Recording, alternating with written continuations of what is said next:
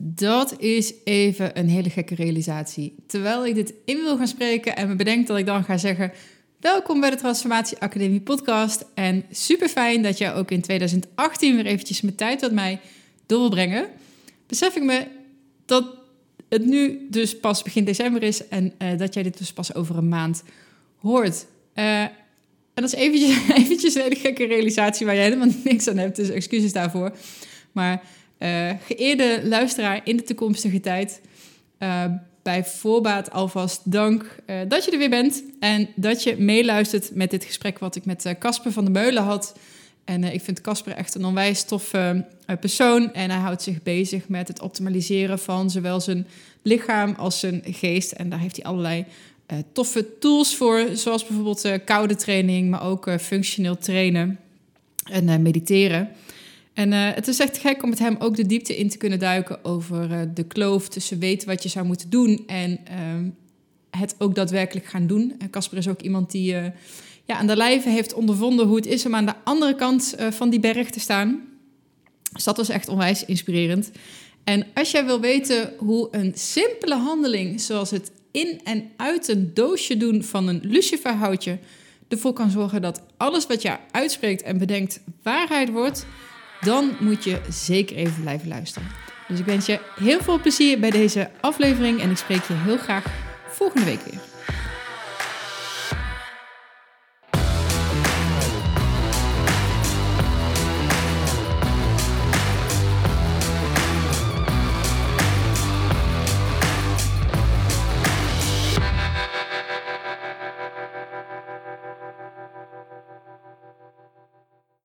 Nog even kort wat mededelingen van onze sponsoren. En de eerste, dat is uiteraard Love Fit Food.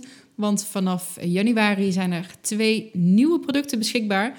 En de eerste, dat is de Fit Food 30. En dat is een 30 eh, dagen lichamelijke en mentale reboot, zo zou je het kunnen zien. Een 30 eh, dagen clean eating challenge waarin je eh, met of zonder e-mailbegeleiding 30 dagen lang een protocol doorloopt om echt jouw lijf te leren kennen en ook echt te ontdekken wat wel en niet voor jou werkt en alle bullshit, maar gewoon te laten voor wat het is. En uh, als luisteraar van deze podcast krijg jij 10% korting op de Fitfood 30 met e-mailbegeleiding. En dat kost normaal maar 47 euro. Dat is natuurlijk echt al super weinig. En met de kortingscode transformatie krijg je daar ook nog eens 10% korting op. Meer informatie over de Fitfood 30 vind je op www.fitfood30.nl. En het tweede nieuwe product, en dat wordt een aftakking van de website, en dat is de Food Freedom Mindset. En dat duikt echt helemaal in op de psychologie van het eten en het beter, uh, een betere relatie met je lijf en met voeding en met jezelf uh, creëren. Uh, meer informatie daarover vind je dus de, op www.foodfreedommindset.nl. Gewoon helemaal aan elkaar. Dus neem een kijkje. Uh, de tweede sponsor, dat is Nutrifit. Dat is de webshop waar ik mijn supplementen bestel. En dat is onder andere van die hele handige uh, groene pilletjes met uh, spirulina en chlorella erin. En dat gebruik ik als aanvulling op mijn voeding. Want ik ben niet, al, heel eerlijk, niet alle dagen even netjes met het eten van mijn groenten. En soms krijg ik eh, minder binnen dan ik zou willen. Dus dat vind ik een hele prettige aanvulling daarop. En ook in de Nutrifit webshop mag ik vanaf dit jaar korting weggeven. En dat is 5% als jij als kortingscode transformatie invult bij het afrekenen.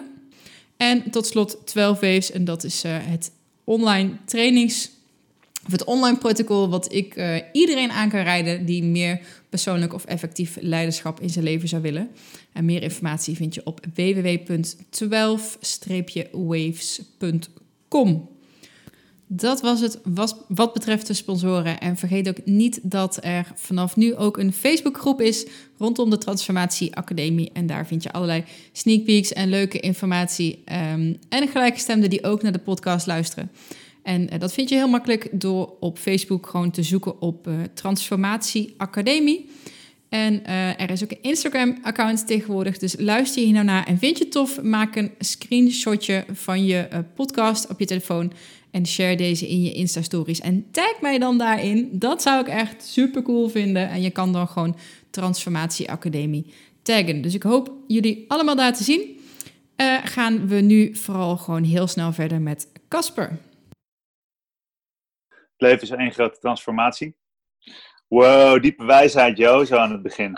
Maar uh, het, is, het, is een leuk, het is een leuk ding, omdat er heel veel mensen zijn geïnteresseerd in transformaties. En in, in de persoonlijke transformaties. En er is een enorme markt ook voor, een enorme stroming van mensen die zien dat er uh, meer te doen is en dat er meer mogelijk is. Uh, dus ik word veel gevraagd om erover te spreken. En ik denk dat heel veel mensen ook zichzelf opzadelen met allerlei illusies rondom het onderwerp transformatie en...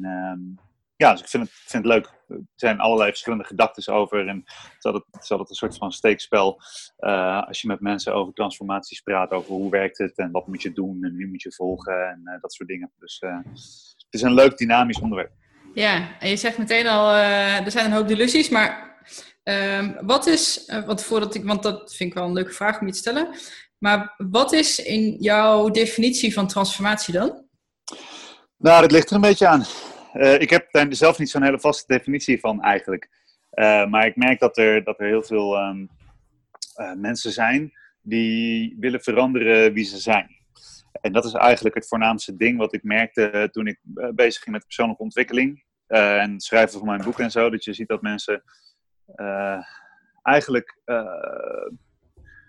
een issue hebben met hun zelfwaarde, met hun eigen waarde. En dat, en dat ze vanuit dat probleem, vanuit een gebrek aan eigenwaarde of uh, het idee dat ze, dat ze aan de kern niet goed zijn, dat er iets mis met ze is, dat ze daarvan uit willen transformeren. Dus ze willen eigenlijk uh, weg van zichzelf transformeren. En dat mhm. is de, de, groot, de grootste uh, valkuil die ik zie bij uh, mensen die het woord transformatie gebruiken en op zoek zijn naar een vorm van transformatie. Terwijl uh, mijn opvatting is dat het enige wat je eigenlijk kan doen, is je kan meer worden van wie je bent, of je kan afbewegen van wie je bent.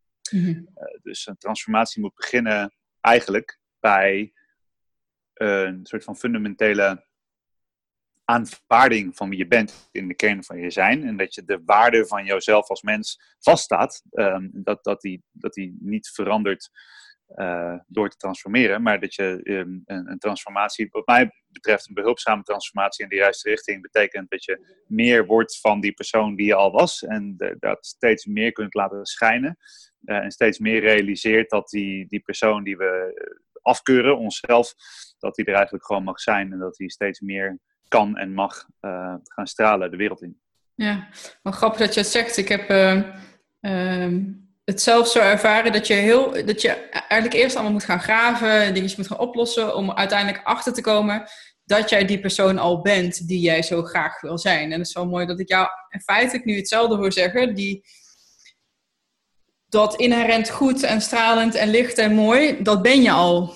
Alleen er zitten misschien allerlei sluiers overheen of zo. Is het dan, kan ik het daarmee vergelijken ook? Ja, wat mij betreft wel. Ik uh, denk dat, wat mij betreft, is het belangrijkste uh, in het leven om steeds authentiek in jezelf te kunnen zijn. En dat betekent dat er steeds minder lagen zijn die bedekken uh, wat je te bieden hebt aan de ja. wereld. Dus hoe ik het in mijn workshops en zo, uh, en bijvoorbeeld bij de Mindclift Live, waar jij bij was, ook uh, uitleg, is, uh, er is er is een licht. En dit, dit klinkt veel zweveriger dan ik het vaak bedoel, maar er, dus het is een metafoor. Hè? Dus er is metaforisch een licht, een, een, een, hele sterke lamp die schijnt, die straalt, die, die staat aan in iedereen. Um, en sinds ik vader ben, zie ik ook dat, heb ik dat heel mooi mogen zien bij de geboorte. En bij mijn dochter zie ik het nog steeds, ze is nu twee. Want er is een enorm zuiver, uh, prachtig, mooi licht wat schijnt in, in die persoon en in alle personen.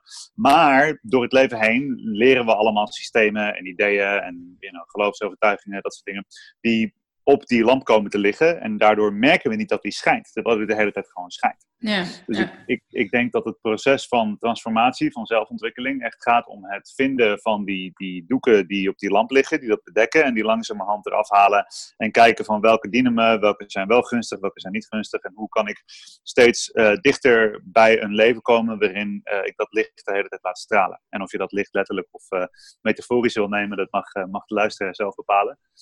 Uh, maar ik, dat, dat is uh, de metafoor die voor mij het beste werkt. Dus dat je steeds beter wordt in uh, je authentieke zelf te laten zien aan de wereld. En die ook in te zetten om de wereld een betere plek te maken. En mijn opvatting is dat zeg maar, het, het enige is misschien iets te reductionistisch, maar klinkt wel goed. Het, het, enige wat er eigenlijk moet gebeuren is dat alle mensen zo'n leven gaan leiden. Want als iedereen gezond en gelukkig is en, en zich kan laten, zijn authentieke zelf kan laten stralen.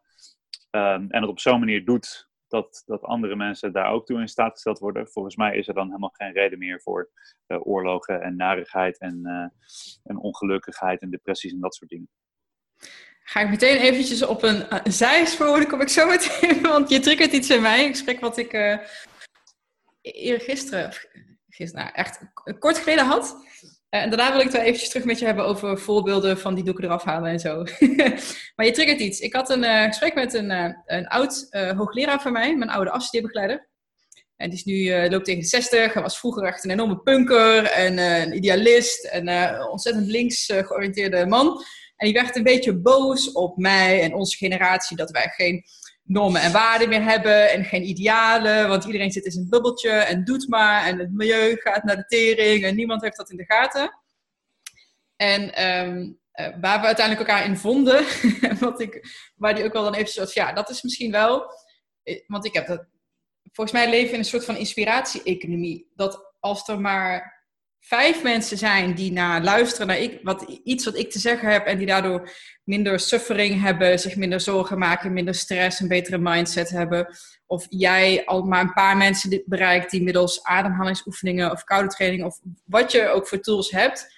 En dat je zo'n soort van olievlek aan het creëren bent. Zoals we elkaar nou allemaal een beetje helpen en een beetje inspireren om, zoals jij dan zegt, dat licht wat meer te laten schijnen. Dan maken we ook een betere wereld. Maar het is een hele andere insteek dan soort van tegen de maatschappij aanschoppen. Zo van, hé, hey, jullie doen het niet goed. En uh, zoals hij dus deed in zijn uh, jeugd als uh, opstandige rebel. En dat wij het een beetje van onderuit met een soort van op een bewustzijnsverruimende, liefdevollere manier eigenlijk ook hetzelfde proberen te bereiken. Ja, ja, ik, uh, ik, uh, ik denk dat dit een veel effectievere manier is. Ik denk dat die generatie die in de jaren 60 en 70 de straat op ging met spandoeken, die hadden gewoon niet de middelen die wij hebben. En dat was het beste wat ze konden doen. Inmiddels is het wat mij betreft vrij zinloos om op straat te gaan staan met spandoeken. Dat is echt zonde van je tijd. Uh, met alle respect voor mensen die dat doen. misschien zie je goed resultaat, maar ik heb nog nooit een geval gezien waarvan ja, misschien de Million Man March, dat soort dingen, dat er daadwerkelijk resultaat was. Maar nu hebben we gewoon betere tools.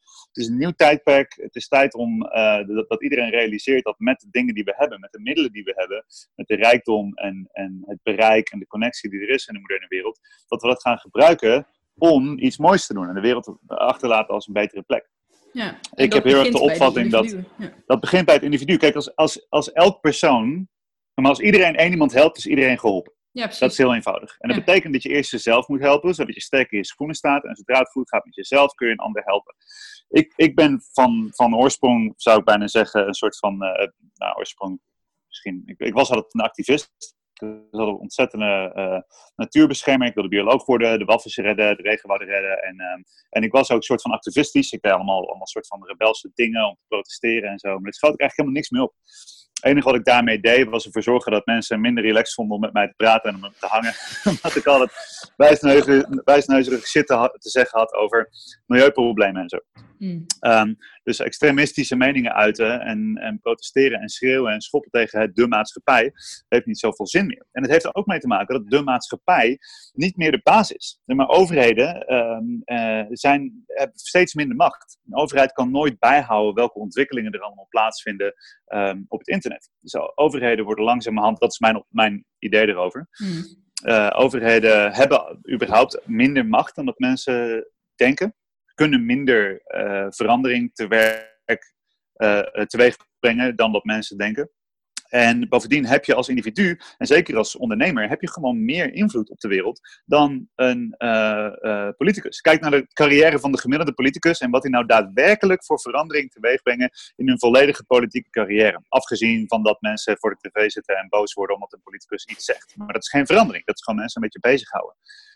Dus um, protesteren en, en, en, de straten door marcheren met spandoeken. Ja, wat doe je daarmee? Weet je? Wat schiet je daarmee op? Terwijl ik ken nu zoveel ondernemers, zoals jij en ik, maar mensen die dat ook nog veel beter doen dan ik, uh, die een uh, onderneming starten met een sociale uh, duurzame missie en daar zelf heel veel vrijheid in hun eigen leven mee creëren. en geluk en, en geld en gezondheid en plezier.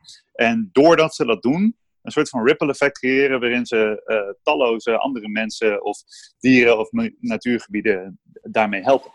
Ja, en dat is gewoon directe invloed. Dus niet gaan zitten en zeggen van, oh, ze moeten het veranderen. En uh, weet je wel, uh, de, de, maatschappij moet anders. En uh, het milieu gaat kapot. En die politicus, of weet ik veel wat. Je kan gewoon een onderneming starten. je kan een kanaal beginnen, wat voor kanaal dan ook. Een podcast, een YouTube-kanaal, een Instagram, wat dan ook. En gewoon mensen bereiken op de dagelijkse basis, op microniveau. Klein beetje waarde toevoegen aan het leven van mensen. En zo een transformatie starten, een wereldwijde transformatie. Hé, hey, mooi bruggetje. en dat is wat ik zie. Dat is mijn bubbel misschien. Ja. Maar de mensen waar ik mee werk en die ik tegenkom, zijn of op het punt dat ze net zeggen van... hé, hey, ik zie nu in dat ik aan mezelf iets kan veranderen. En dat ik ook de verantwoordelijkheid heb om dat te doen. En dan komen ze maar, maar vaak bij mij het netwerk binnen en dan zeggen ze, oh, die Casper heeft allemaal tools om dat op persoonlijk niveau te bewerkstelligen. En dan komen ze naar een retreat of ze komen naar een workshop of lezen een boek. Gaan ze die tools toepassen. En zodra ze zich uh, het gevoel hebben dat ze controle hebben in hun leven, dat ze die verantwoordelijkheid pakken en daar resultaten van zien, het eerstvolgende wat ze gaan doen, is iemand anders helpen. Of, weet je wel, troep opruimen ergens. Ze gaan mensen uh, tips verspreiden, ze gaan het delen, ze gaan plastic oprapen van de straat, gewoon omdat ze zien van, oh, mijn leven voelt nu beter, ik heb energie en ik zie waar mijn invloed is. En daarvan uit kunnen ze ook daadwerkelijk uh, invloed gaan hebben op microniveau. Maar als iedereen op microniveau invloed heeft, ja, dan ben je op macroniveau. Ja, ja nee, absoluut. Ik, heb, uh, ik sta er ook precies zo in, want soms denk je, jezus, iedereen is coach en iedereen uh, gaat voedingbegeleiding doen of I don't know what. Maar ik denk, en wat is daar erg aan? Het is toch gewoon te gek als we allemaal onze buren uh, helpen met... hey joh, misschien moet je, kan je beter dit eten of uh, whatever. Zuiniger omgaan met de, de, energie die je hebt. Dus ik, ik, vind het mooi. Ik vind het een mooie manier van ernaar kijken. Want die docent impliceerde dat als... oh, maar jullie hebben geen normen en waarden. Zo van, jullie durven niet ergens voor te gaan staan. Jullie zijn, en met jullie noemde hij millennials... waar ik mezelf een soort van loosely dan toch wel to reken jullie durven nergens meer voor te gaan staan. Terwijl wij hadden echt heel erg zwart-wit. Ik denk, ja, maar ja, is, is dat wel zo? Het feit dat wij uh, het op een andere manier aanpakken, wil niet zeggen dat wij die, die idealen niet hebben. Want ik denk dat wij die juist heel erg hebben. Ja, maar het is ook makkelijk, zeg maar. Uh, ten opzichte, misschien is dat te gechargeerd, maar uh, zoals ik het bekijk, was het toen makkelijker om een kant te kiezen. Want er waren gewoon minder kanten. Weet je wel? Ja, en, in de jaren 60 was het gewoon van, oh, die is verkeerd en die is goed. En je wist veel minder. En je kon ook helemaal niet voor jezelf onderzoek doen van wat is nou echt waar. Ja, exact. En nu heb je gewoon, de wereld is veranderd. De wereld is echt heel erg veranderd. En het, weet je, het gehaat op millennials. Moet je ook realiseren dat millennials in een van de minst natuurlijke omgevingen ooit opgroeien. Weet je, als je vanaf jongs af aan schermen voor je neus hebt, uh, het nieuws wordt steeds minder betrouwbaar. Dus de, de bronnen die we hebben, uh, zijn steeds minder betrouwbaar. En het is steeds moeilijker om er doorheen te gaan. Tegelijkertijd hebben we ook de meest betrouwbare bronnen ooit tot onze beschikking. Maar ja, hoe schat je die in? Weet je wel? En de meeste informatie ooit, volgens mij ook. Precies, meer informatie. De, en, dus er is zoveel wat je als uh, jong mens op je bord krijgt. En bovendien um, is het educatiesysteem er gewoon niet op aangepast om die mensen uh, af te leveren in een wereld waarin ze kunnen gedijen. Dus dat je nu ziet dat er zoveel burn-outs en depressies en verslavingen en dat soort dingen, dat het allemaal toeneemt, ondanks dat we in een hele luxe wereld leven, mm. betekent dat, dat de generaties. Uh, ik, ik heb nog, uh, weet je wel, misschien toen ik twaalf was had ik een telefoon en voor die tijd ging ik gewoon rondvinden, fietsen om mijn vrienden te vinden en in bomen klimmen en door de modder rollen en, en, en, bewegen. En als je kijkt hoe sterk dat nu afneemt, um, ik, ik, ik denk dat dat een grote uitdaging is. En dat het daardoor moeilijker is om ergens voor te gaan staan. Omdat er ook steeds meer input is en steeds meer informatie is. Dus het wordt steeds lastiger om te zeggen, dit is wie ik ben en hier sta ik voor. Omdat het, de, wereld is niet meer zo zwart-wit in die zin. Ik zou er zelfs nog een, eh, een, een, laagje overheen willen leggen. En dat is het tijdperk waarin onze ouders kinderen hebben gekregen. En met welke mindset zij die kinderen hebben opgevoed. Uh, want wij, wij, ze wilden ons alles geven. En er is ons heel weinig in de weg gelegd ook. Dat kwam ook in dat gesprek met, uh, met die docent naar boven. Hij zei, ja, weet je, ik heb het ook, zegt hij, met mijn zoon, dat ik hem, ik wil zijn vriend zijn en niet zijn vader, weet je wel. Dat is een hele andere manier van opvoeden, uh, wat ons ook een heel ander type mens maakt. Maar uh, voordat wij helemaal in die rabbit hole gaan, ik, je maakt net eigenlijk een heel mooi bruggetje ook naar jouw jeugd. Ik weet dat jij ook best wel een ja, vertelwaardig achtergrondverhaal hebt. Uh, om ehm, ja, hoe je hebt bereikt waar je nu staat. En de missie en de visie die je nu hebt. Uh, zou je dat kunnen vertellen? Uh, wat, nou, ik heb, ik heb natuurlijk je, je, boek gelezen en ik ben naar je event geweest. En ook ja. de, de, podcast geluisterd waar je in zat. Um, jij was niet de, de Casper die je nu bent. Je, uh, je had overgewicht, je rookte volgens mij. Je... Ja, ja aan, aan, aan de buitenkant niet. Maar uh, grappig genoeg ben ik nu steeds meer uh, weer dat, die persoon aan het worden die ik daarvoor was.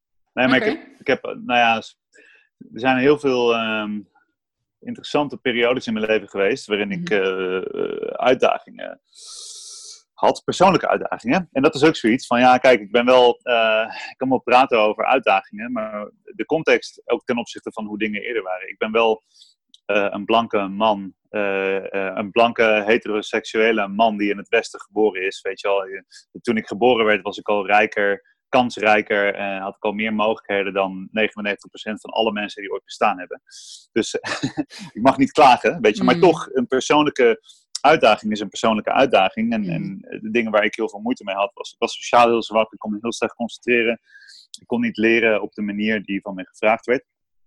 Uh, ik kon niet uh, goed omgaan met uh, stressprikkels en dat soort dingen. Dus ik had heel veel angstaanvallen, paniekaanvallen. En ik, was, ik had allerlei voedselovergevoeligheden. Het was, was vrij jong ook. Tussen mijn, jaar of negen of tien of zo had ik daar mijn eerste struggles zeg maar, mee. Uh, hoe heb jij die link gelegd naar, naar met stress? Uh, dat het, dat de, link? Het, de link met zeg maar de. Want je bent natuurlijk terug gaan kijken, reflecteren, je wilde jezelf verbeteren. Ik vind het heel interessant van hoe zag dat proces eruit? Want je was gewoon wie je was. En nu weet je dat je uh, moeilijk om kan gaan met stress bijvoorbeeld. En dat dat ervoor zorgde dat jij een bepaald gedrag vertoonde. Hoe ben je daarachter gekomen? Hoe ben jij die linken bijvoorbeeld ook gaan leggen in. Um, ja, het verbeteren eigenlijk van, van wie je bent? Nou ja, kijk, uh, het was noodzaak. En ik ben heel dankbaar dat ik die noodzaak altijd heb gehad. Want het was niet zo van, oh ja, ik voel me een beetje raar en ik heb een beetje slechte cijfers. Misschien heb, kan ik slecht tegen stress. Nee, ik had gewoon paniek paniekaanvallen. Weet je wel? Dus ik, ik, durfde gewoon mijn huis niet uit. Okay. Uh, eh, en ik, had, uh, ik durfde niet met mensen te praten. Sommige, weet je, en ik had, ik had gewoon een full-blown paniekaanvallen met de hartklopping en alles erop en eraan. En ik had een hartritmestoornis. En Um, kon niet functioneren. Uh, mijn moeder die uh, vertelt mij wel eens, dat toen ik een jaar of negen of tien was, al wel eens zei van ja, ik wil niet meer leven en ik wil niet meer doorgaan in het leven en dat soort dingen. En um, dus dat, dat was vrij duidelijk. En die, die link, kijk, wat, wat um, het mooie is van, uh, van hoe ik hier doorheen ben gegaan en wat ik ervan heb kunnen leren, is dat ik op die leeftijd al, toen ik een jaar of tien, elf was, nou, gingen mijn moeder ging een hele hoop uh, advies inwinnen eigenlijk. Gingen artsen zien, therapeuten en psychologen. En heel veel daarvan die hadden, ja, was, ja, er, ja, er is gewoon iets niet goed met hem en dan moeten we testen. En dan, oh ja, nou, misschien is het ADD of misschien is het depressie, angststoornis. En dan was er altijd wel een pilletje voor. Uh, en wat therapie en begeleiding. En ehm, mijn moeder die had zoiets van, ja, maar wacht eens even, er is helemaal niks mis met mijn kind. er, is, er zijn aan de buitenkant dingen die niet goed gaan. Weet je, overgewicht en uh, depressief en gestrest en kan niet goed leren. Maar dat hoeft niet te betekenen dat er aan de kern iets mis is. Dus dat mm. ding waar we het in het begin over hadden, begreep mijn moeder gewoon heel goed. En zij, zij uh, weigerde gewoon om, om zomaar even een diagnose aan te nemen van iemand die mij net uh, had leren kennen.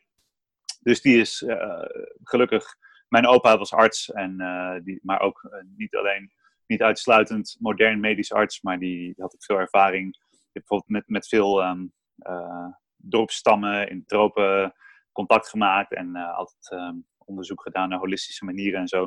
Dus we zijn gewoon naar gaan kijken van, ja, wat is, wat is er allemaal mogelijk? En toen gingen we mijn voeding aanpassen en toen haalden we een hele hoop voedselgevoeligheden eruit. En toen ging het veel beter met me. Dus ik stopte met suiker en zuivel. En opeens was ik veel weerbaarder. Uh, een paar maanden later was ik afgevallen. Ik kon opeens vrienden maken. Ik kon met stress omgaan en dat soort dingen. Weet je wel? Dus het is nu toen was het zo van, oké, ik heb die voedselovergevoeligheden en uh, ik moet die dingen mijden en dan, dan gaat het beter met me. Dus ik, toen ik, en dat is, ik echt als een zegen, toen ik een jaar of elf was, had ik al de mogelijkheid om te kijken van, oké, uh, wie ben ik? Hoe ziet mijn omgeving eruit?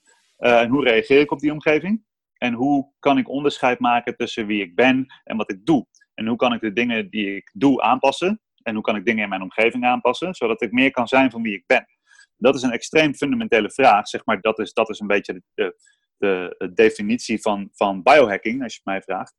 Uh, en die, die mocht ik al heel vroeg gaan stellen. Want mijn moeder die nam mij mee, die, die, die voedde mij op. Het was echt educatie wat er gebeurde, om dat te doen. Ze zei niet van oké, je mag geen suiker meer, nu moet je dit eten. En ze zei nee, we gaan boodschappen doen. En je gaat de ingrediënten lezen van alles wat je eet, zodat je weet wat je binnenkrijgt. En zodat je ook weet hoe je daarop reageert. Dus, en dat is een, een grandioze zegening dat ik dat heb kunnen doen uh, vanaf mijn elfde. Want dat betekent dat ik nu 20 jaar ervaring heb met uh, kijken wat gaat er mijn leven, mijn lijf, mijn lichaam, mijn, mijn brein in. Hoe reageer ik erop? Is de reactie behulpzaam?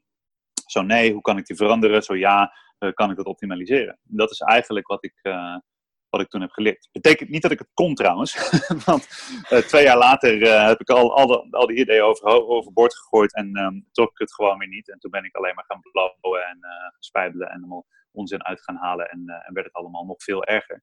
Uh, dat vind ik echt een hele interessante switch. Want dat ligt er ook aan de kern aan wat, waar ik ontzettend blij van word. Nou, blij is misschien het verkeerde woord. Maar waar ik uh, onwijs in geïnteresseerd ben, is die, die kloof tussen weten wat je moet doen en het daadwerkelijk doen. En ja, je was natuurlijk echt onwijs jong, dus er zal ook een heel deel rebelse puberteit in hebben gezeten, dat je dat niet meer wilde doen. Maar later heb je ook nog een keer die knoppen moeten zetten. Of ja, ik geloof niet in een knop overigens, maar um, heb je ook nog een keer de keuze moeten maken van oké, nu ga ik weer wel doen wat ik eigenlijk weet dat ik moet doen. Ja, kijk, het punt hier is dat we denken dat onze denker de basis is. Dus we mhm. denken dat dat, dat, dat, dat stemmetje, wat um, uh, logisch nadenkt en wat kan plannen en wat zegt van oh, als ik nu doe, dan gebeurt er dat. Of ik zou eigenlijk dit moeten doen dat die degene is die we zijn. Dat dat onze identiteit is. Dat die, die menselijke, uh, eigenlijk hele, die nieuwkomer. Dus mm evolutionair gezien is die denker, die logische, bewuste denker, is een nieuwkomer. Uh, het grootste deel van, van je psychologie, fysiologie, biologie is opgebouwd uit hele oude overlevingssystemen. Die draaien op, uh, op vecht-vluchtreacties en op emotionele reacties. En veel meer van wat we dus een veel groter deel van ons en van onze keuzes die we maken, ligt in het onderbewuste dan dat we mhm. denken. Dus we, we, eigenlijk overschatten die, die logische denken. En als je kijkt naar je vermogen om keuzes te maken, je vermogen om jezelf te sturen uh, vanuit je uh, ja, logische, denkende, analytische brein, is dat naar verhouding veel kleiner dan wat emoties en overlevingssystemen doen. En dan alleen al een van de redenen dat ik niet goed kon functioneren was omdat ik voedselovergevoeligheden had. Maar die voedselovergevoeligheden had ik omdat mijn darmflora in de war was. En dat weet ik nu. Nu zijn die studies daar. Dus er zijn heel veel keuzes die ik toen maakte in leefstijl, die heel veel artsen voor gek verklaarden. Zeiden, dat is onzin. Het kan niet zijn dat je voor deze suiker wel uh, uh, dat je op deze suiker een slechte reactie hebt en op die soort suiker een goede reactie, want het is hetzelfde molecuul.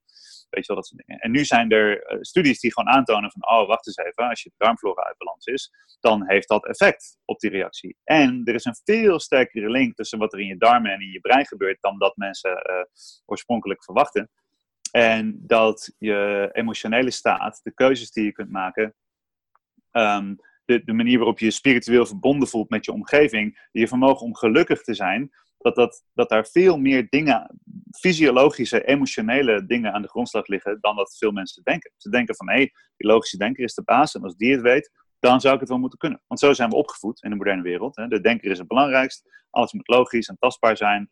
Um, en daarmee negeren we uh, de, de diepere emotionele kanten en ook de fysiologische voorwaarden die er zijn om die gedachten of emoties, of, of om je gelukkig te voelen, of om goed te kunnen nadenken, dingen te kunnen toepassen, keuzes te kunnen maken, om die ook te creëren. fysiologie creëert uiteindelijk psychologie. Dat is een interessante. Fysiologie creëert psychologie. Kan, kan je dat, uh, hoe, hoe zou dat dan werken? Nou, kijk, um, er is een hele sterke link tussen bijvoorbeeld de staat van je zenuwstelsel en je mentale staat. Dus je mentale staat, de dingen waar je je bewust van bent. We zijn ons bijvoorbeeld bewust van, oh, nu ben ik boos of nu ben ik blij, nu voel ik me energiek en nu kan ik gefocust, maar soms voel ik me minder energiek en soms ben ik een beetje depressief. Dat zijn allemaal dingen die wij uh, waarnemen, maar dat zijn, laat, laten we zeggen, um, dingen die aan het oppervlak, dat dat is het puntje van de ijsberg, wat je daadwerkelijk kunt zien. En wat er onder uh, het oppervlak gebeurt, zijn we ons veel minder bewust van. Dus heel vaak worden we getriggerd door iets. Hè, dus bijvoorbeeld iets aan het nieuws, of er gebeurt iets in je dag, of iemand zegt iets tegen je. En dan vervolgens wordt dat verwerkt door uh, een emotionele delen bijvoorbeeld van, je, uh, van, je, van jezelf, die je niet ziet werken.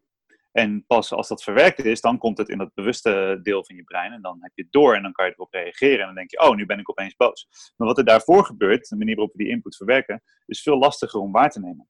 En als ik zeg fysiologie, dan kijk alleen al naar. Sommige mensen zijn bijvoorbeeld verslaafd aan suiker. Dat is een los voorbeeld. Zijn verslaafd aan suiker. Kunnen niet stoppen met suiker eten, kunnen niet stoppen met suiker eten. Um, en die denken bewust van, oh, er is iets mis met me, ik kan me niet aan mijn doelen houden, ik heb geen controle over mezelf en ik heb gefaald om uh, te stoppen met suiker eten. Maar heel veel mensen zijn verslaafd aan suiker omdat ze daar een hele, hun hele leven lang een emotionele link mee hebben gehad. Dus bijvoorbeeld altijd getroost worden met zoetigheid. Of ze zien hun ouders altijd, als er iets vervelends gebeurt, vluchten naar chocola of snoep of wat dan ook. Dus dan heb je een emotionele link. Wat ook sterker nog gebeurt, is dat mensen een bepaalde soort schimmel of bacterie in hun darmen hebben. En die, uh, uh, dat, dat, dat microbioompje wil suiker. Bijvoorbeeld candida. Mm. Als je met candida rondloopt, die candida wil suiker. En die zendt gewoon een signaaltje naar boven, naar je brein. En zegt van, hé, hey, we hebben hier beneden suiker nodig. En dat is helemaal niet jezelf. Dat is gewoon iets wat in jou leeft. Dat vraagt om suiker. En die, en die stuurt signalen naar boven. En die zegt, oké mens, hier moet je dit gedrag vertonen. Namelijk suiker in je mond duwen. Zodat uh, wij daar op uh, kunnen voortplanten. Snap je? Dus er zijn fysiologische voorwaarden waaronder je je beter voelt. Als je rondloopt met chronische stress, dus je hebt altijd cortisol in je systeem, dan ben je gewoon altijd meer uh, op de uitkijk voor problemen en voor uh, zorgen en voor stress en voor gevaarprikkels, waardoor je minder in het moment kunt leven en je effectief minder gelukkig voelt. Dus om daar een getal aan te hangen, slechts 4% van alle dingen die binnenkomen, die gebeuren in je lijf, die verwerk je bewust. En de andere 96% gebeurt allemaal onderbewust. Maar je verwerkt wel alles. Dus alle tv, alle nieuws, alle informatie die je binnenkrijgt, alles wat je eet, weet je wel, elke ademhaling, elke interactie met mensen, wordt allemaal op een niveau verwerkt. Maar we zijn ons maar bewust van 4%. En die andere 96% is emotie, fysiologie, darmflora, staat van je zenuwstelsel, al die dingen bij elkaar. Ja. Ik vond het een onwijze uh, eye-opener en ik heb het al zo vaak gehoord, maar soms moet je dingen ook gewoon 10, 20, duizend keer horen voordat eindelijk het kwartje valt en voordat je de link legt. Um, is dat als je je even shit voelt en rot voelt of, of down bent, dat je maar wacht eens even, ik ben, dat je dan niet in de gaten hebt dat eigenlijk gewoon je lijf moe is en dat er niks met jou in de hand is, maar dat het gewoon eventjes een tijdelijke staat van zijn is, dat het lichaam zegt, hey, chill down, uh, nu gaan we even plat. ja. Ga niks nieuws uh, ondernemen, want daar heb ik geen energie voor. Uh, maar dat niemand eigenlijk in de gaten heeft of niet meer echt in contact staat met zijn lijf. En dan zo op wordt geslokt door, oh ik voel me shit en uh, ik ben depressief. Of, en dan vooral ook lekker gaan projecteren op de omgeving waar je in zit. Hij of zij deed dit of dat en daardoor voel ik me rot. Dus dat is zo'n... Uh, ja, en zo, zo leer je dus... Zo, de, op, de, de misvatting is dus dat je onderhevig bent. Je bent ook onderhevig aan je omgeving, maar mm. dat je daar geen uh, invloed op kan hebben. Dat is een beetje de misvatting. Je kan er wel invloed aan hebben. Als je alleen al kijkt naar de aanwezigheid van daglicht, zodra de klok teruggezet wordt en de dagen worden korter, uh, zie je gewoon dat, dat mensen het eventjes moeilijker hebben. En dan voelen ze zich uh, een beetje voelen zich emotioneel of ze zijn wat depressiever. Gewoon puur omdat er minder uh, daglicht binnenkomt, opeens. Ja. En dat is een, een shock voor je biologische systeem. En dat biologische systeem is uiteindelijk hetgene wat die mentale staat creëert. Ja. En ik denk dat het steeds belangrijker wordt om daar uh, meer respect voor te gaan hebben. Om meer respect te hebben voor wat je lijf nodig heeft. En ook om steeds meer te gaan oefenen, beter te gaan worden in uh, het inschatten van ja, hoe ziet mijn omgeving eruit, hoe beïnvloedt het mij en wat kan ik daaraan doen. Dus soms kan je ook gewoon zeggen van hé, hey, misschien is het helemaal niet mijn emotie. Misschien hoef ik mezelf niet te veroordelen over het feit dat ik even geen focus heb of geen energie heb of dat ik me wat depressiever voel.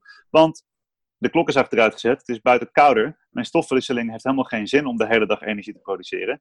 Natuurlijk wil je in de winter onder een dekentje zitten en je vol vreten. Ik bedoel, dat is wat we in de winter horen te doen. Ik bedoel, daar, weet je wel, zo zijn we aangepast. Alleen, de maatschappij vraagt van je, dus tenminste voor de meeste mensen die, die dat soort werk nog doen, 9 tot 5 werken, ja, je moet gewoon 40 uur per week productief blijven. Dus uh, onze fysiologie gaat alle kanten op, gaat er op en neer. Uh, uh, het weer verandert, het daglicht verandert, de beschikbaarheid van eten verandert, nou, steeds minder.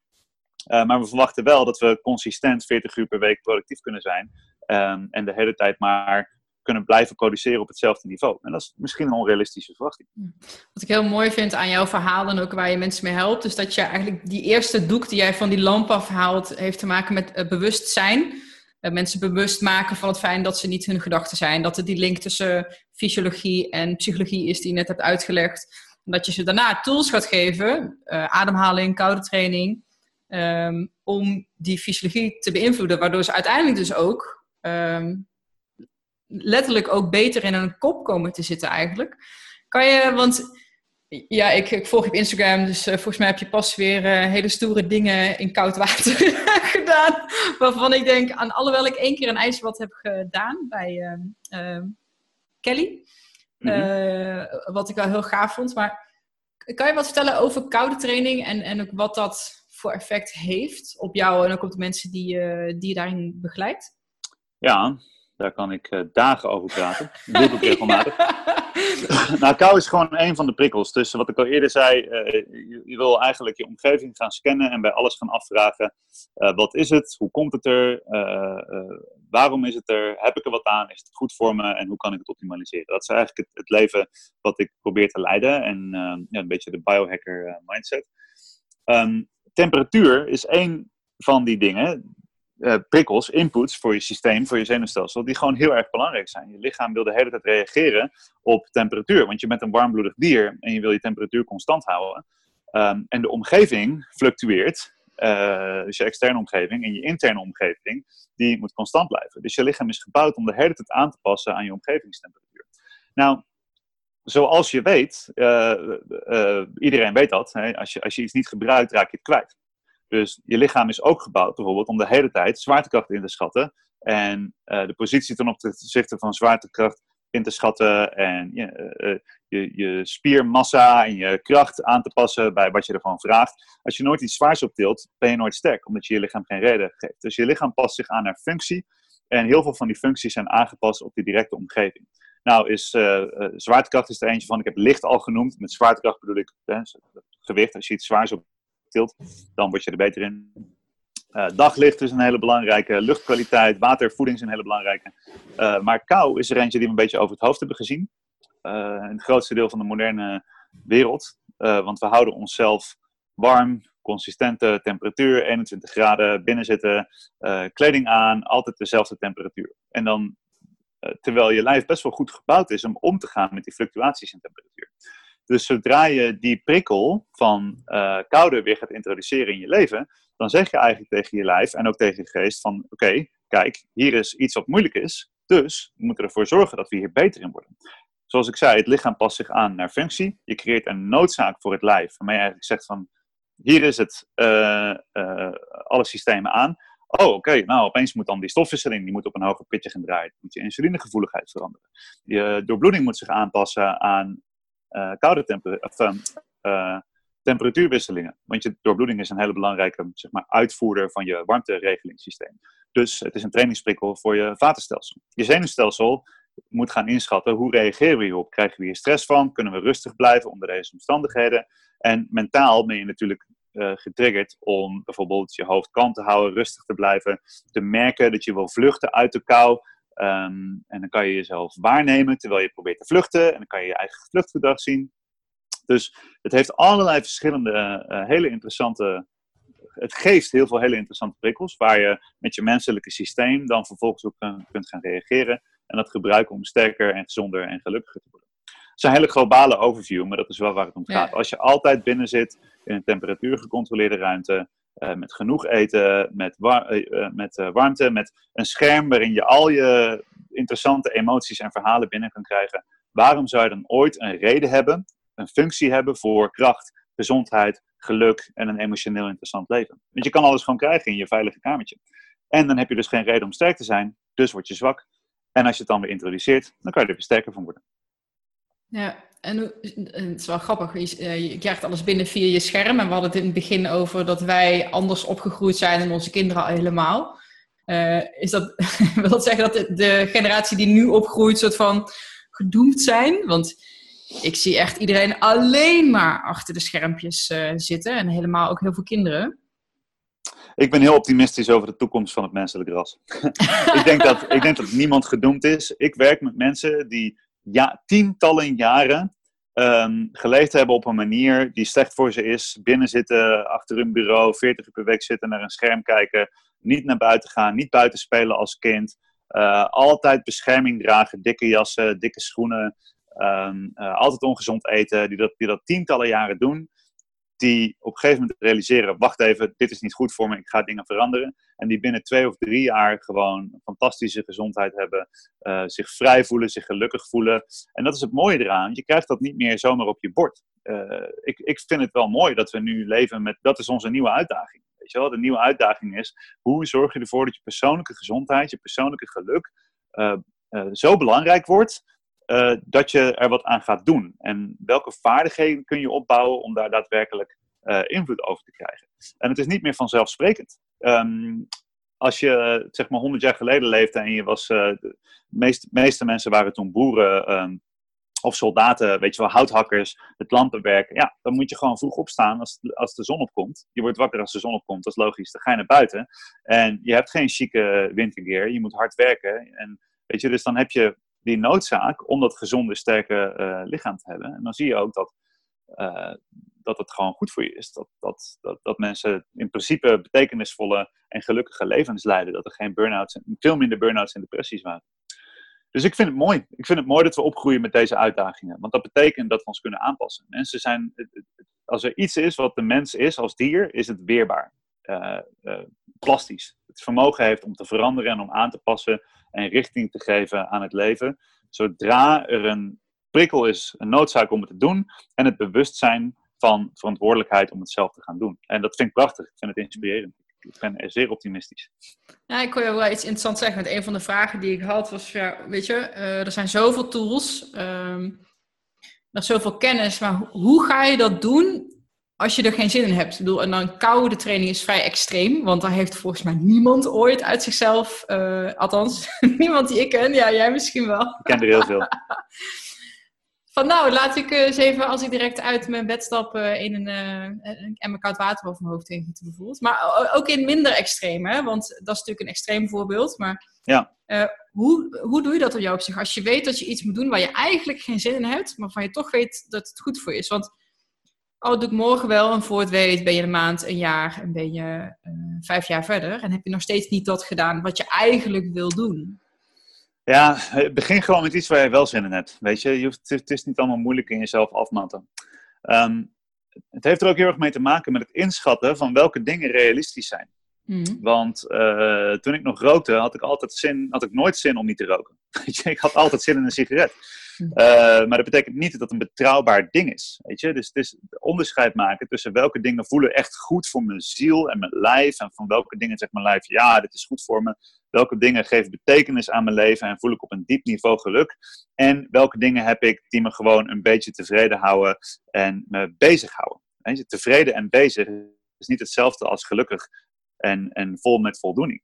En tevreden houden en bezighouden is snoepen, is nieuws kijken, is klagen, roken, drinken, allemaal van dat soort dingen. Dus als je, uh, uh, punt is hier, als je geïnspireerd kunt raken door iets, als je betekenis kunt vinden in die dingen, dan wordt het veel makkelijker om onderscheid te maken tussen welke dingen je op de automatische piloot doet, omdat ze je aangeleerd zijn of omdat je het gewoon al heel lang doet, zoals de dingen die ik net noemde. Uh, en, maar welke dingen voelen op een veel dieper niveau goed aan. En dat is met die koude trainingen, weet je, mensen zien een documentaire van Wim Hof en ze denken, oh, die kou ziet er verschrikkelijk uit en ik vind het maar raar, het geadem en die gozer die is natuurlijk een beetje vreemd in zijn hoofd, die Wim Hof, weet je, mensen hebben er zo'n heel beeld van. Maar er is iets wat ze triggert er is iets wat ze zien. Want ze denken van, ah, op een diep niveau voelen ze een soort van, soort van oersysteem aangaan. En ik had mm. hetzelfde toen ik in, in 2012 een beetje mijn gezondheid op gang uh, kreeg. En ik begon wat gezonder te eten. Ik begon een beetje fit te worden. En toen zag ik een filmpje van de Tough Mudder. Uh, dat is zeg maar, Mudmasters heeft de Tough Mudder eigenlijk gewoon gekopieerd. Uh, kopiëren, plakken, met een ander kleurtje in Nederland neergezet. Hebben ze goed gedaan hoor. Maar ik bedoel gewoon, Tough Mudder was er eerst. En de meeste mensen kennen Mudmasters in Nederland. Um, ik heb ook een aantal Mudmasters gedaan. Maar goed, ik zag een filmpje van een Tough Mudder. En het was gewoon vier uur lang door de modder kruipen, in, eh, in ijswater zwemmen, over vuur heen springen, elektrische schokken krijgen, weet je wel. En om, ik, ik had zeg maar twee dingen tegelijkertijd. Aan de ene kant dacht ik, holy shit, dit is echt verschrikkelijk. Moet je voorstellen dat je dat ooit doet. En tegelijkertijd voelde ik gewoon, dat is precies wat ik wil. ik wilde iets voelen, ik wilde iets echts, iets rauws, iets meemaken. En ik merkte toen op dat moment dat er een hele dat die kloof tussen dingen die me bezig en tevreden houden en dingen die goed voor me zijn en voldoening geven, dat die duidelijker werd. En dat ik dus uh, en dat, dat zie je steeds meer. Er is een reden dat nutmasters, dat de mensen belachelijk veel geld betalen om zichzelf drie uur lang door de modder te slepen, is omdat mensen weer beginnen te voelen dat dat een prikkel is die we nodig hebben. En dat we die gemist hebben. Om dus gecontroleerd een beetje een leidensweg in je leven te bouwen. Iets om tegen te vechten, zodat je iets hebt om sterk voor te zijn. En ik heb uh, in september een sportschool geopend. Uh, hier in Utrecht. Uh, M-Lab heet het, Move, Lift, Act, Breathe. Uh, en daar hebben we dezelfde missie gehad om dus de, de, deze generatie, of eigenlijk alle generaties, uh, de in de tijd waarin we nu leven, gecontroleerde moeilijkheden in te bouwen, zodat je sterker kan zijn. En zodat je uh, weet wie je bent. Zodat je jezelf kunt ontmoeten ten opzichte van moeilijkheden en jezelf naar een naar een ander niveau kunt tillen. Weet je, zware dingen optillen met zandzakken slepen, slees duwen, in ijsbaden zitten, grote stenen optillen en gooien, banden omflippen en gewoon is, is gewoon in, weet je wel, ter ere van je fantastische, wonderlijke menselijke lijf, wat sterker is dan je denkt, gewoon het even wat moeilijker hebben, zodat het leven makkelijker wordt. Ja. En dat is het laatste wat ik, een van mijn favoriete quotes ooit, is uh, als je alleen maar dingen doet die makkelijk zijn, dan is het leven moeilijk. En als je bereid bent om te doen wat moeilijk is, wordt het leven makkelijk. En dat is, ik ben er levend voorbeeld van.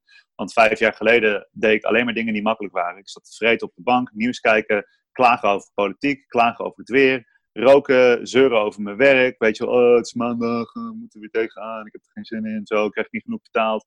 Super makkelijk. Iedereen kan dat. Weet je. je hoeft er helemaal niks voor te kunnen. Je hoeft er niet intelligent voor te zijn. Je kan dat gewoon de hele dag non-stop doen. Maar mijn leven was moeilijk. Want ik had overgewicht. En ik had allerlei verslavingjes. En ik had een hartritmestoornis, migraines, schouderblessure, last van mijn onderrug. En dit zijn trouwens dingen die de meeste mensen hebben in Nederland. Mm -hmm. Schouderproblemen, onderrug, migraines, onverklaarbare hoofdpijn en buikpijn. Allemaal dat soort dingen. Mhm. En ik deed alleen maar makkelijke dingen. En toen ben ik moeilijke dingen gaan doen. Gaan hardlopen, zware dingen optillen, uh, stilzitten met mijn kop dicht. Weet je, mediteren is voor mhm. mij verschrikkelijk moeilijk.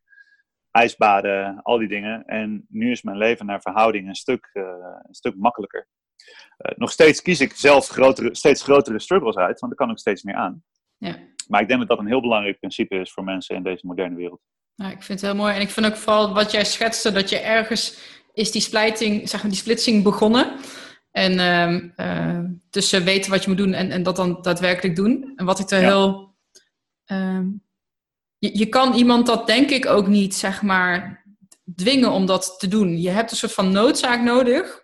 Je hebt een, een inherente motivatie nodig om dat te kunnen voelen, denk ik. Ja. Uh, en, maar ook flow. Kijk, het is ook zo dat je, je hebt een uitdaging nodig. Je wil jezelf mm. een uitdaging uh, geven, maar ook eentje die je aan kan. Want een uitdaging die je niet aan kan, is alleen maar stress en trauma. En uh, als je te weinig uitdaging hebt je kan veel meer aan, dan, is er ook niet zoveel aan. Maar het begint leuk te worden wanneer je ziet van oké, okay, dit is een uitdaging, het is een beetje moeilijk. Maar ik denk dat als ik mezelf een beetje opred, dat het dan wel moet lukken. En dat is ook het gebied waar die kou heel erg in ligt voor heel veel mensen. Die hebben zoiets van oké, weet je, dit gaat moeilijk zijn en het gaat zwaar zijn, maar ik heb het gevoel dat ik het kan doen. En als ik het dan doe, dan ben ik trots en van. En, en ik denk ook dat in, in de hele transformatie persoonlijke ontwikkelingssfeer er een beetje een gebrek is aan speelsplezier en gewoon leuk, uh, kinderlijk uh, lol trappen, weet je wel. Voor de mensen die, die kijken naar het interview, die zien dat ik de hele tijd aan het bewegen ben. En je ziet dan mijn onderlijf niet, maar ik heb al zeven verschillende yoga poses aangenomen.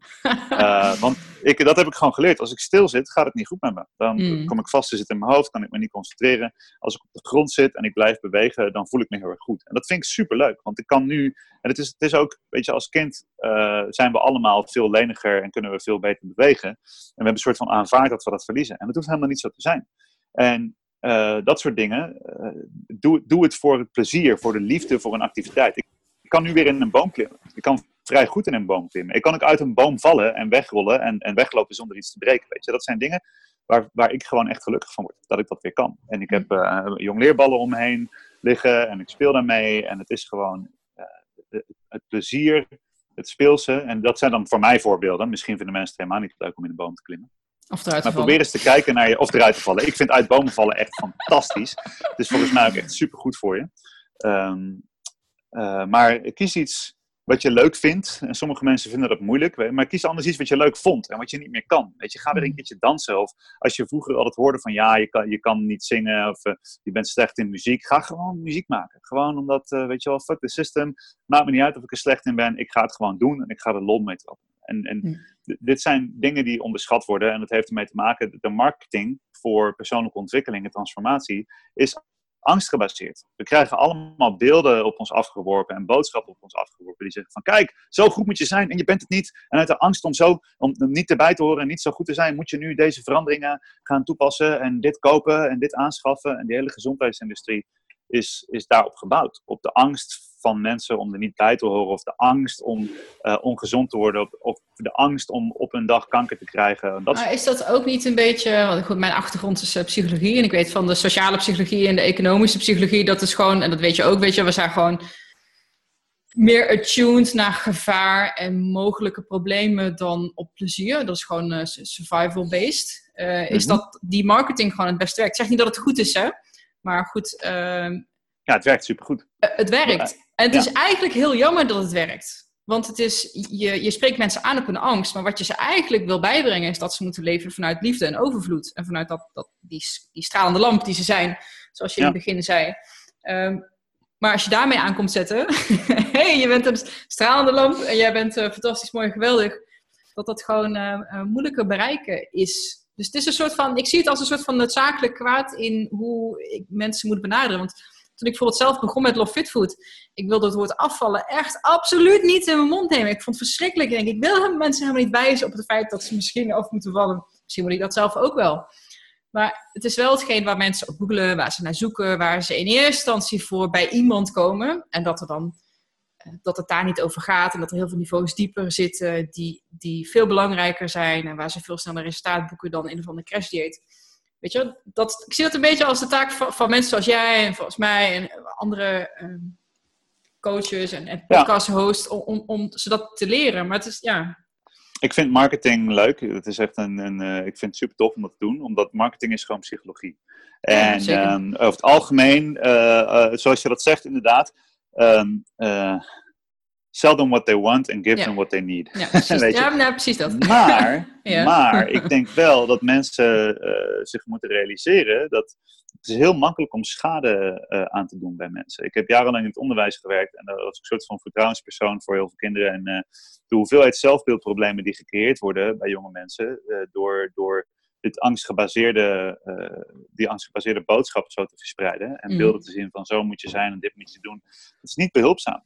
Het is niet goed. En, en ik uh, uh, ben heel erg van die marketing. Ik heb al heel lang geen advertenties meer gemaakt die zeggen, uh, weet je wel, afvallen of dit of dat. Of, Wil jij dit bereiken, dan moet je... Ja. Um, ik merk gewoon dat ik moet een betere marketer zijn om de op liefde gebaseerde boodschap te verkopen.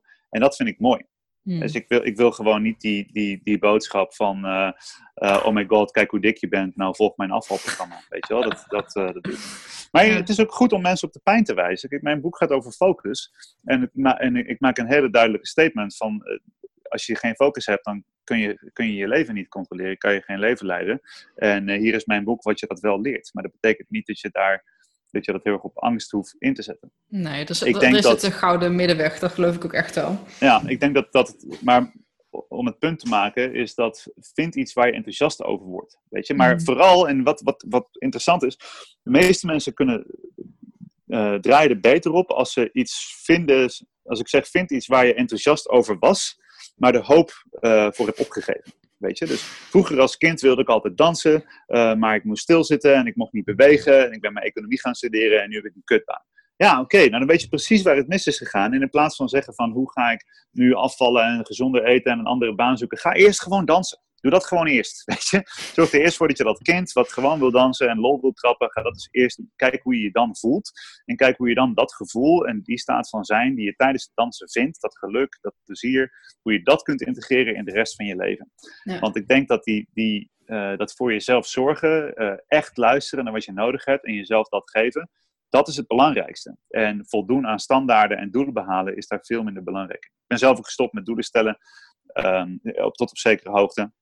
Omdat ik merk dat het, het, het, speels volgen van de flow van het leven en, en mezelf openhouden voor nieuwe ervaringen uh, en echt uh, zorgen voor mezelf veel interessanter is. Het is makkelijker gezegd dan gedaan, want ik kan mezelf kaart afmappen. Net zoals iedereen. Ja, nee, ik, vind, ik sta daar echt totaal. Uh, ik, ik doe het precies hetzelfde volgens mij. Ja, ik heb doelen. Maar ik ben heel erg gevoelig voor ehm, signalen. Weet je wel, je merkt gewoon als je geen energie krijgt. Of als je wel energie krijgt van iets. Of dat in één keer alles snel gaat en heel veel openingen of heel veel mogelijkheden zich aandienen. Zo van, waar komt dit nou ineens vandaan? Ja. oh, volgens mij is dit hetgeen wat ik moet doen. Um, maar daar passen doelstellingen ook denk ik wel bij. Want uh, het kan samen. Maar voor iemand die nog helemaal, helemaal vastgeroest zit in... Eigenlijk op zijn dieptepunt... Uh, waar, waar waar zou zo iemand moeten starten of kunnen starten, wat jou betreft? Ik bedoel, het is leuk dat wij dat iemand kunnen. Die hier naar luistert, iemand die hier naar luistert, zit niet meer vast. Want die hebben al begrepen dat er ah. iets te halen valt en daarom luisteren ze. Die, die, die zien het al. En ik denk dat die stap, die is veel groter dan dat mensen inzien. De eerste stap is namelijk, hé, hey, wacht eens eventjes, ik kan verantwoordelijkheid nemen en ik kan ervoor gaan. Vervolgens, uh, misschien volgen ze jou op Facebook of op Instagram, of ze zoeken het en ze vinden je podcast. En de mensen die nu luisteren, zijn mensen die de aller, aller, allergrootste stap al genomen hebben. Namelijk het inzicht van, um, het is mijn verantwoordelijkheid. En uh, ik kan er wat mee doen. En, en er is alle alle informatie, alle tools, alles wat je maar kan vinden, is gratis beschikbaar op het internet. Dat moeten mensen ook realiseren. Ja. Tuurlijk, heel vaak is het de moeite waard om een programma te kopen en om te betalen voor betere informatie, persoonlijkere begeleiding, dat soort dingen. Maar in principe ligt alles er. Dus, de alle en dus het feit dat de luisteraars de belangrijkste stap al hebben gedaan, high five, compliment, goed gedaan. Want waar je mee moet starten, is echt de tijd nemen om ervoor te gaan zitten en je te realiseren dat alles in je leven je verantwoordelijkheid is. Dat is het meest fundamentele, meest belangrijke ding. Want heel veel mensen kopen fitnessprogramma's of dieetboeken en die leggen de verantwoordelijkheid bij dat dieet en dan zeggen ze, oh, dat dieet werkt niet. Hm. Of ze zoeken een coach of een of andere guru en dan werkt het niet en zeggen ze, oh, dat werkt niet. Weet je? Of ze geven nog steeds hun ouders of hun school of de maatschappij de schuld van de staat van hun leven.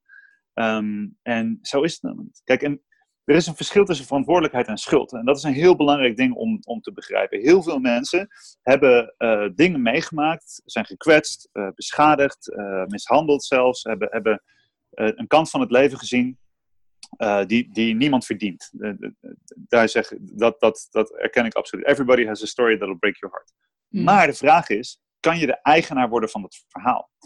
Ehm, het feit dat alles in je leven je verantwoordelijkheid is, betekent niet dat alles jouw schuld is. Er is een, een, echt een verschil tussen schuld en verantwoordelijkheid. Als je vroeger in elkaar geslagen bent door je vader, of weet je wel, je bent in een ongelukje een, een been verloren, of weet ik veel wat. Ja, dat is niet jouw schuld. Maar het is wel je verantwoordelijkheid om ermee te dealen. En als je die verantwoordelijkheid neemt, dan zie je ook dat er een keuze is uh, in op welke manier je reageert op die dingen die gebeurd zijn. En in die keuze, daar ligt je vrijheid. En wat ik zeg, ik zei, ik zei van neem de tijd ervoor en ga ervoor zitten.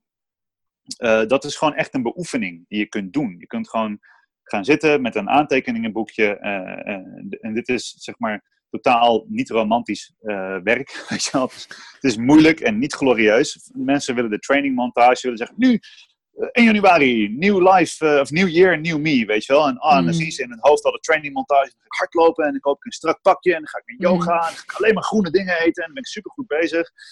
En ik ja, weet je, maar uh, begin is uh, bij het allereerste begin het minder romantische, minder chique ding van gewoon in je eigen huis, in stilte met je eigen gedachten, pen en papier zitten en alle dingen in je leven opschrijven um, waar je dankbaar voor bent, alle dingen die je wel wil en dan een lijstje maken van alle dingen die je niet wil dan een grote cirkel eromheen tekenen en gewoon een pijl en zeggen: Mijn verantwoordelijkheid. Alles wat in mijn leven is, is mijn verantwoordelijkheid. En dan, um, en dit is trouwens wat ik doe, dit soort dingen doe ik in mijn workshops en bij de Mind Lift Live, om dat soort dingen helder te krijgen. Van, uh, uh, weet je, wie ben je eigenlijk als je gelukkig bent? Wie ben je als je tevreden bent? Wie ben je als je die transformatie gemaakt hebt? Dus stel dat je al die dingen doet die je wil doen, die je zou gaan doen, die je zou moeten doen, en je bent, hebt dat gedaan, wie ben je dan? En hoe voelt die persoon zich? Hmm. En dan is de kans heel groot dat je gewoon nu in dit moment kunt gaan zitten, je voorstellen hoe die persoon zich voelt en je gewoon alvast zo gaan zitten voelen. Dat kan je namelijk als mens. Dat, daar start ik mijn, mijn, uh, mijn live events mee.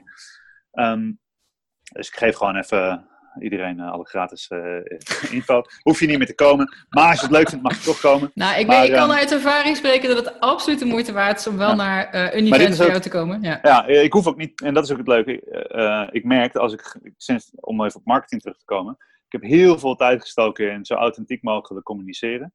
Um, en daardoor hoef ik geen marketingtrucjes meer te gebruiken. En dat is gewoon, op een bepaald moment is dat zo. Maar dus ik, ik hoef me niet druk te maken om of ik die zaal uitverkoop. Uh, want dat gebeurt. En als het niet gebeurt, dan fix ik wel wat. Weet wel. Maar goed, in ieder geval, verantwoordelijkheid. Ik kan het niet, niet, niet, niet vaak genoeg zeggen.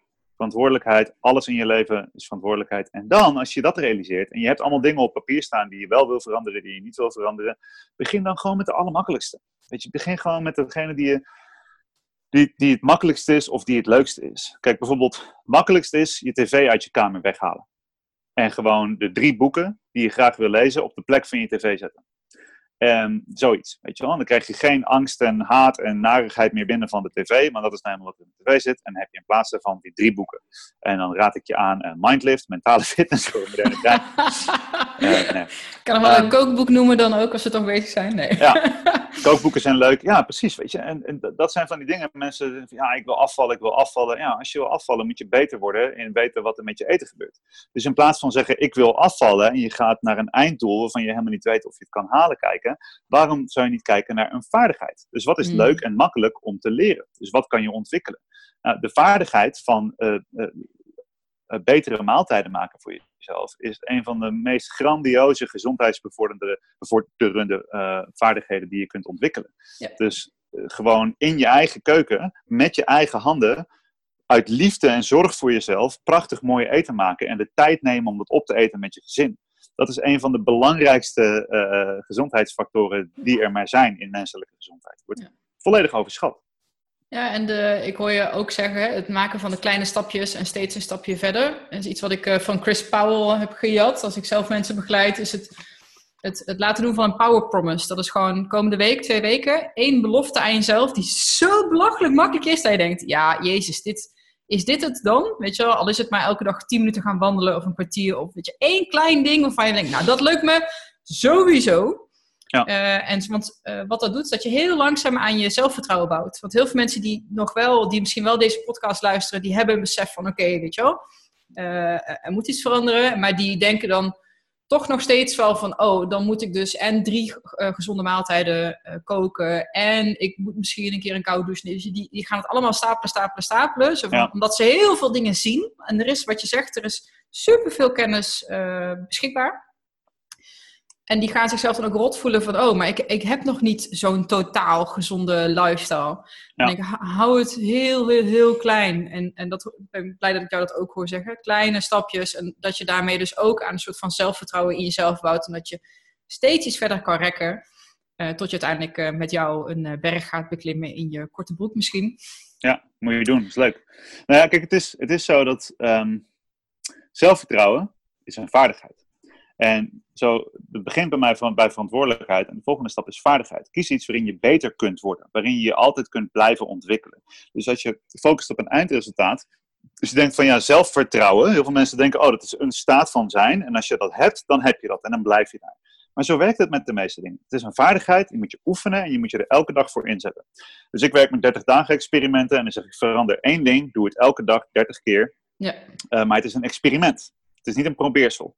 Dus als je één dag faalt of het niet doet, of die ene dag, dus je wil 30 dagen niet roken en die ene dag rook je wel, is niet het hele ding mislukt. Je hebt gewoon een datapunt wat zegt, oh, die dag heb ik wel gerookt. En vervolgens kun je erop terug gaan kijken en erover na gaan denken en gaan inzien dat er veel um, uh, te leren valt van elk datapunt. Uh, dus er is geen falen meer. Dus je hebt ook geen slagen en falen meer. Je hebt alleen maar ontwikkeling en vaardigheid.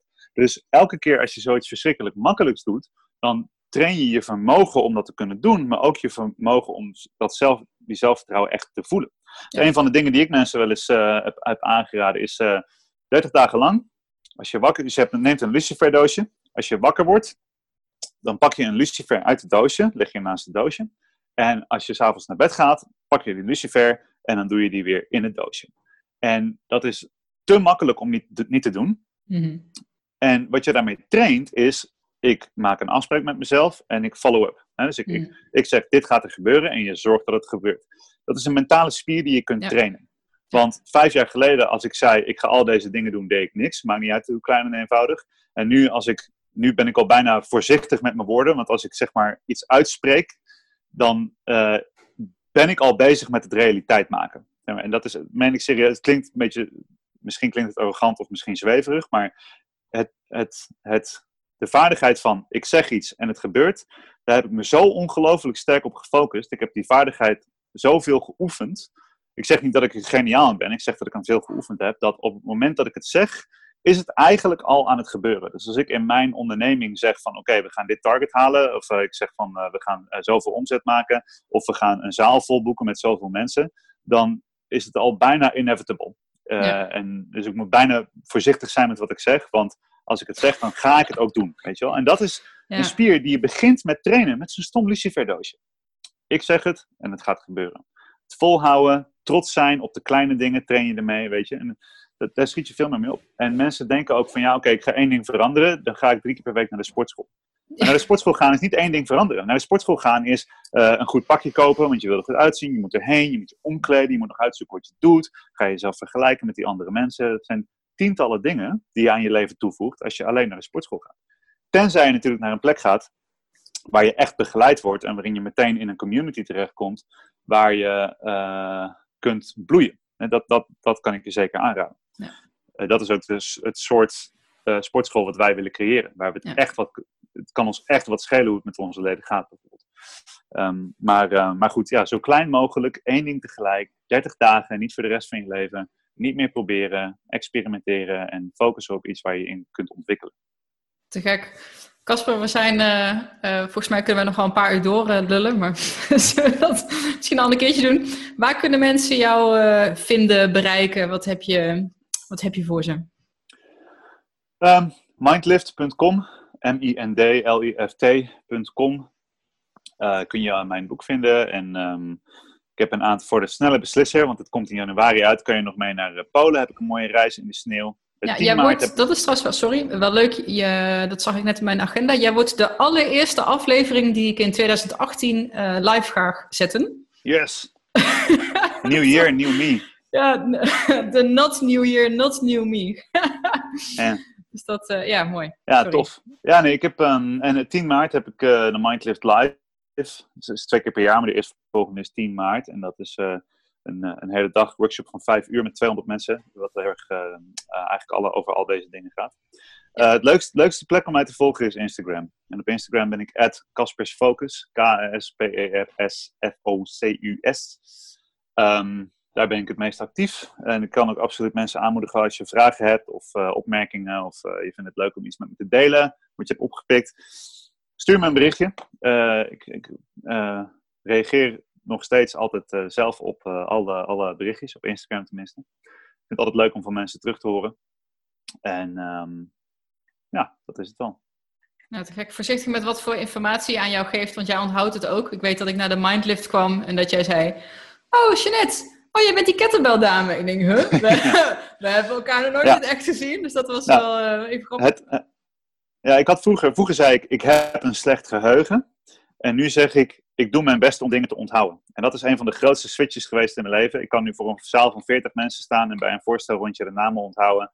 Van de mensen die naar mijn live event, er waren 250 mensen de vorige keer. Ik heb zeker 90 mensen gesproken. En van zeker 70 wist ik de naam en nog één ander ding over ze. En dat vind ik superleuk, ja. want ik was altijd zo'n zeef. Dus, uh... Ja, nou dat werkt zeker. Dat uh, heb ik aan de lijve ondervonden. Ja. Hey, super fijn. Uh, dankjewel. En ik, uh, ja, wij spreken elkaar vast snel nog wel. Het was mij waar genoegen. Peace out.